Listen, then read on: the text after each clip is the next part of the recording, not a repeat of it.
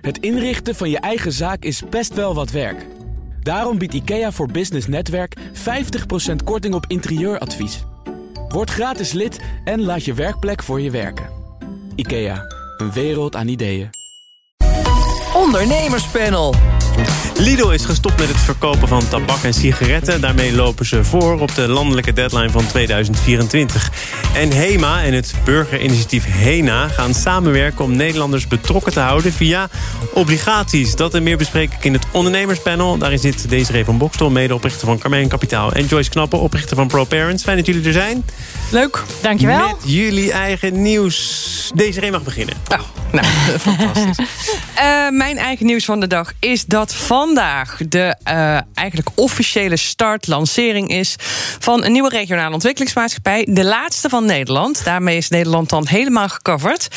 Um, en het leuke is dat ik daar commissaris word. Dus ik ben extra blij. En over welke regio gaat het? Uh, sorry, ja, ja natuurlijk. Ja, nee, niet onbelangrijk. Het gaat over uh, Amsterdam, metropoolregio Amsterdam en Noord-Holland. Oh, dus, gefeliciteerd. Uh, hier, in deze buurt, waar we het echt ook wel nodig hebben. Als je... Ja, wat misschien nog wel belangrijker, wat doet zo'n regionale ontwikkelingsmaatschappij? Nou, eigenlijk twee belangrijke dingen. Aan de ene kant ondernemers helpen om moeilijke plannen. Hè. In dit geval gaan we ons helemaal richten op uh, innovatieve bedrijven, MKB-bedrijven en energietransitie en circulariteit. En daar is natuurlijk, daar is het best moeilijk om geld voor bij elkaar te krijgen om businessplannen helemaal doorgeploegd te krijgen. En daar helpen ze bij. Daar dus hebben we toch de club van Wouter Bos voor. Ja, ja, dat, is, ja dat hebben we ook. Ja, daar hebben we heel veel. Ja, ja, hebben we ook. Maar um, dat is wel later stage. Maar echt, zij doen echt de investeringen. Kijk, dat gaan doen de ROMs ook. Doen ook de investeringen, maar helpen ook echt bij de hele feasibility study. Dus, um, en, en in Zuid-Holland is er, ik geloof dat tien jaar geleden is eentje gestart, uh, Innovation Quarter. Ja. En die hebben onlangs hun honderdste investering gedaan. Dus uh, er kan echt wel heel veel moois uit en voortkomen. Met, met, met, welke zekerheid zeg je dat het echt de allerlaatste van Nederland is? Nou, nu is Nederland gedekt. Dus ja. Uh, EZ, die hier onder andere mede met Amsterdam en de provincie initiatiefnemer van is natuurlijk, die zal niet heel veel meer van deze ROMs willen supporten, vermoed ik zomaar. Joyce, wat is jouw nieuws? Ja, mijn nieuws van de dag, eigenlijk twee dingen. Uh, als eerste en belangrijkste, het is deze week uh, Diversity Week... met afgelopen dinsdag Internationale Diversity Day. En dat is eigenlijk een dag waarin uh, werkgevers en organisaties... aandacht besteden aan een diverse en inclusieve werkvloer. En dat doen ze omdat ze willen dat iedereen zichzelf kan zijn... en dat iedereen mee kan doen. Dus en dat, dat is een terugkerende week, begrijp ik? Dat is een terugkerende week met ook Internationale Diversity Day. Dus dat is altijd dit, dit keer viel op dinsdag. En, uh, dus dat is uh, fijn. En wat heb jij toen gedaan? Uh, wij hebben een, ik heb een keynote gehouden bij bol.com. Om ook, onze, dat is een nieuwe klant van ons, om daar ook de kick-off van te geven. dus dat is hartstikke fijn. Maar je had twee dingen, toch? Ja, en ik had ja. twee dingen. Daarnaast is er ook deze week de campagne gestart met ode aan ouders in de eerste duizend dagen. En het doel van die campagne is, wat natuurlijk heel dicht bij mijn hart en bij mijn bedrijf ligt, is dat er meer waardering en steun komt voor ouders en verzorgers in die eerste duizend dagen. Nou, duizend dagen, dan hebben we het over van eigenlijk conceptie tot de eerste twee jaar. Dat is een hele belangrijke periode waarin uh, de hersenen worden aangevormd, de organen worden aangelegd, waarin eigenlijk ja, een uniek momentum is. Hè. Wij noemen dat de kritieke fase, om uh, ja, dat super belangrijk is dat ouders daarin uh, steun hebben en dat op de omstandigheden ook goed geoptimaliseerd worden. Dit is niet je eigen campagne. Dit komt toevallig nee. heel erg in de buurt van ja, je eigen bedrijf. Klopt. Nee, okay. dit is een bouwcampagne waar wij aan hebben ah, meegewerkt. Hè. Dus hij is van de samenwerkende gezondheidsfondsen. En die hebben dit uh, opgezet. En ze hebben het, um, moet ik even denken wanneer we hiermee gestart zijn. Nou, afgelopen jaar uh, verschillende stakeholder overleg gehad en input gehaald van allerlei partijen. Dus daar ben ik bij betrokken geweest. Het uitdenken van de materialen. En uh, ja, ik draag dat natuurlijk enorm warm hart, een toe. Um, over gezondheid gesproken. De Lidl is vorige week gestopt met het verkopen van tabak en sigaretten. En nu heeft de staatssecretaris Blokhuis andere bedrijven opgeroepen om ook te stoppen met de verkoop. Ondanks dat het pas verplicht is vanaf 2024. Dit zijn reacties die we hebben verzameld. RTL heeft dat voor ons gedaan en we hebben daar een fragment van. Rookt u? Als een schoorsteen. En koopt u wel eens sigaretten bij de Lidl? Uh, vroeger wel, maar ze hebben ze niet meer. Nee, ze hadden ze nog wel in een aantal filialen, maar ze zijn er vanaf vandaag helemaal mee gestopt. Vindt u dat jammer? Ja, zeker weten. Als ze hier niet verkocht worden, dat maakt voor u niet zoveel uit? Nee, dan gaan we naar een andere winkel. Maar ik vind het, uh, dat moeten de mensen zelf weten, toch? Of ze roken of niet? Ja. Ik denk dat als ze dat gewoon overal zouden doen, dat, uh, dan houdt het op en dan kunnen we niet meer roken. Dan kunt u nergens meer sigaretten kopen. Nee. Dat zou beter zijn voor mij. Ik rook al vanaf mijn veertiende. Nou, ik ben nou 70. Waarom moet ik stoppen? Mooie radiostem wel, moet ik zeggen. Hier zitten eigenlijk heel veel principiële kwesties in. Namelijk, ja, eh, wat doet het ertoe als één winkel het verbiedt... dan gaan we wel naar een andere winkel. En ze moeten het lekker zelf weten wat ze wel of niet verkopen. Desiree ook wel eens een sigaretje gekocht bij een supermarkt? Ja, zeker. Ja, ik heb wel tot mijn 30ste geloof ik, of 25ste zoiets gerookt. Ja, maar daarna ook niet meer hoor. En wat vind jij? Moet eh, de Lidl lekker zelf weten wat ze doen? Moeten andere supermarkten dat dan ook? Of is het goed dat een staatssecretaris zich hier in dit geval over uitspreekt? Ik vind dat elk bedrijf moet doen wat ze vinden dat ze moeten doen binnen de wet. Dat heeft Lidl ook gedaan. En eh, die heeft daarbij heel duidelijk gekeken, gekeken naar hoe ze eh, in de wereld willen staan. Hoe, hoe ze maatschappelijke verantwoordelijkheid willen nemen. Ze hebben een keuze gemaakt. Ik vind het eerlijk gezegd nogal boterig op je hoofd. Hoe noem je dat? Als je vervolgens als staatssecretaris op gaat roepen dat andere eh, supermarkten dat voorbeeld moeten volgen. Want dan had je de wet gewoon moeten veranderen. Als je wilt dat supermarkten geen sigaretten verkopen. Dat gaan we natuurlijk ook doen. Maar ehm, je moet ondernemers vrijlaten om te ondernemen. Joyce? Ja, kijk, ik, ik, eh, ik ben het er wel mee eens. Eh, ik ben, vind ook dat, eh, dat organisaties, dat zie je ook, dat ze steeds meer hun maatschappelijke verantwoordelijkheid nemen. En dat ze nadenken over, ja, wat is nou mijn voetafdruk in de samenleving? En ik zie dezelfde discussie ook ten aanzien van bijvoorbeeld energiedrankjes hè, in de verkoop aan, aan de jongeren. Ja, ook daar is discussie over. Hè. Moet dat allemaal maar vrijelijk te gebruiken zijn? Het feit dat het mag, wil niet zeggen dat je dat ook maar moet willen met elkaar. En, ja, Ja, met elkaar? Of moet je dat als winkel dan niet willen? Want veel Nou- supermarkten, anders dan Lidl... verdienen groot geld met sigaretten. Ja, dat, dat klopt. Maar ik denk dat je daar in die zin eh, ben ik het met Desiree eens. Ja, de vrijheid van de ondernemer. Hè. Als je zelf vegetarisch bent, ja, waarom moet jij dan als je in een slagerij werkt, hè, dan kun je beter in een ander soort bedrijf gaan werken. Dus als in dit geval eh, eh, ja, Lidl als onderneming bedacht heeft, ja, dit past niet meer bij onze waarden. En wij willen echt een ja, andere dingen in- aan de voorkant in onze winkel eh, tentoonspreiden. En daar hebben we een bepaalde visie bij. Ja, dan, dan moet je dat ook doorzetten. Dus in die zin vind ik het een sterke actie. Dat vind ik ook. Maar ik denk ook dat het zeker zo is dat Lidl hierbij heeft overwogen wat het ze gaat kosten. Ja. En Lidl heeft eerder gekozen om maatschappelijk verantwoord te zijn. En daar past dit bij. Dus ik ben ervan overtuigd dat Lidl heeft uitgerekend dat op lange termijn dit, lange termijn dit geen geld kost. Ja. Hè, Die laatste drie jaar dat het nog zijn. Ja, want we hebben deze keuze ook al eerder gemaakt, zoals je aanhaalt. Volgens mij in Ja. 2018. Ja, Het ik heb is hem al eerder gehoord ja, inderdaad. ja, nieuwe, nieuwe eh, vestigingen kregen al geen rookcounter meer of sigarettencounter meer. Ja. Nou is het misschien eh, lovenswaardig om als bedrijf dan deze rol te pakken. Paar maanden geleden sprak ik in dit programma met de topman van Albert Heijn. En die zei, ja, wij zijn van oudsher een winkel voor iedereen. En als je voor iedereen wil zijn, dan ben je er ook voor rokers. Eh, nog even afgezien van het feit dat daar waarschijnlijk ook veel geld mee te verdienen valt. Maar kun je het ook op die kant percipiëren? Dat het ook lovenswaardig is om een zo volledig mogelijk aanbod voor ieder wat wils aan te bieden? Ja, dat vind ik ook een beetje een drogreden. Weet je, we weten allemaal dat die sigaretten eruit moeten. En het is de industrie, waaronder ongetwijfeld de retail, die dit in stand houdt, omdat ze er veel geld aan verdienen.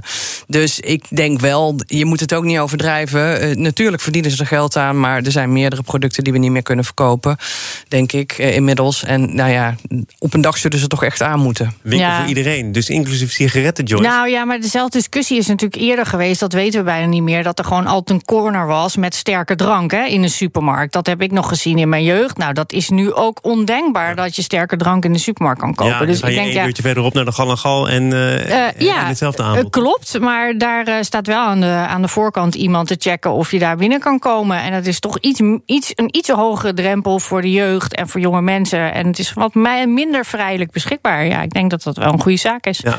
Maar bij wie ligt uiteindelijk de verantwoordelijkheid? Bij de politiek, bij de ondernemer, bij de klant?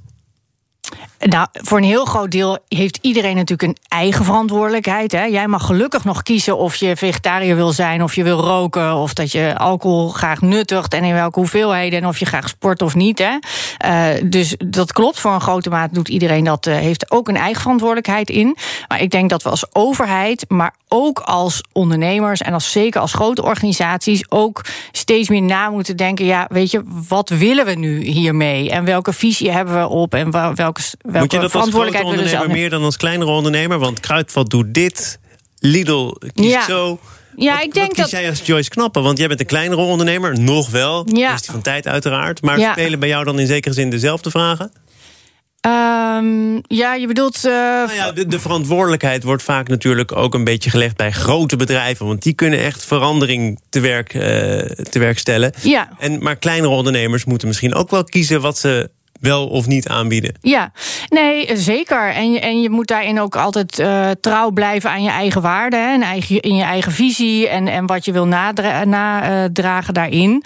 Uh, nee, dus ik denk dat dat wel, wel een belangrijke zaak is. En ik denk ook dat er meer naar grote organisaties wordt gekeken... omdat die toch meer impact hebben, echt een household name zijn. Ja, dus dat die onder een iets groter vergrootglas liggen, dat ja, lijkt me logisch. Denk jij dat ook?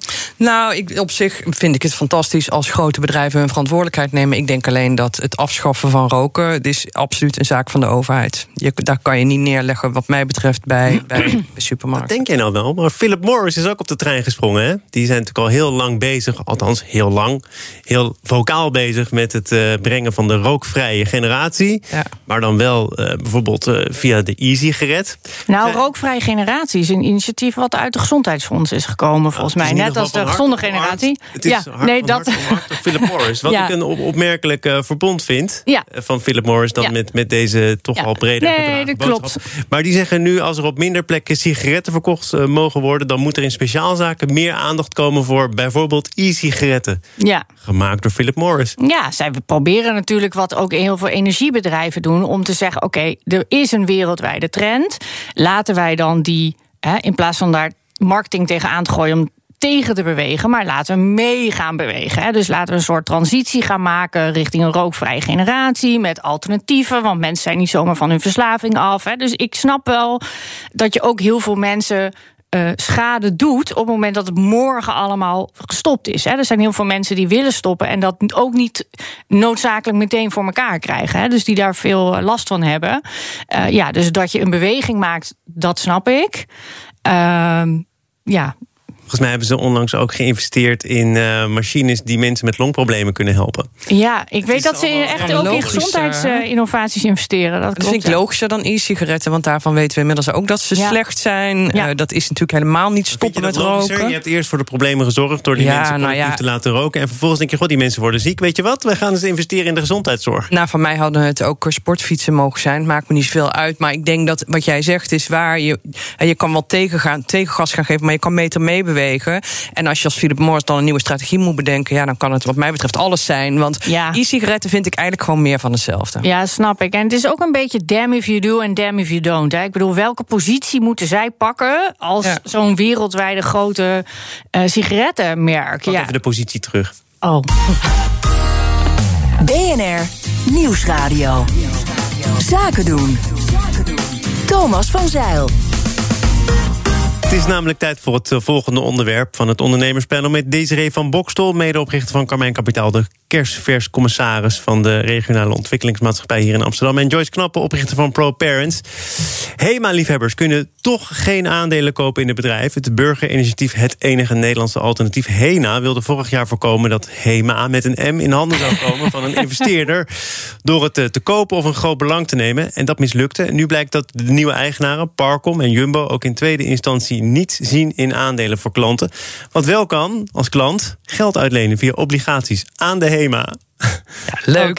Leuk of toch wel totaal iets anders? Ja, totaal iets anders. Totaal iets anders. Een soort zegeltje sparen als je het mij vraagt. Maar eh, ik vind het wel grappig. Weet je, ja, je verzint wat, denk ik, ook als eh, groot winkelbedrijf, om je klanten te binden. En als het dit is, hè, je kan, ze, ze doen dit eigenlijk met als achtergrond een. eh, eh, ze willen graag dichter bij de klanten staan. Ze willen die klanten ook vragen om hulp, om als klankbord, et cetera. Ja, dat kan je natuurlijk ook gewoon organiseren. Daar hoef je helemaal niet een obligatielening voor uit, uit te schrijven. Maar, Maar als je wel leuk. toch zo graag in contact wil komen met je klant...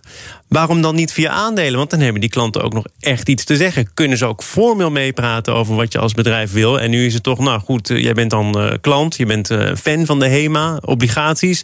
en op onderwerpen die wij hebben uitgekozen, zoals duurzaamheid... mag je dan vertellen wat je ervan vindt. En vervolgens hoeven wij daar ook nog eens niks mee te doen. Ja, nee, maar dat is natuurlijk ook precies de reden dat ze die aandelen niet in zitten.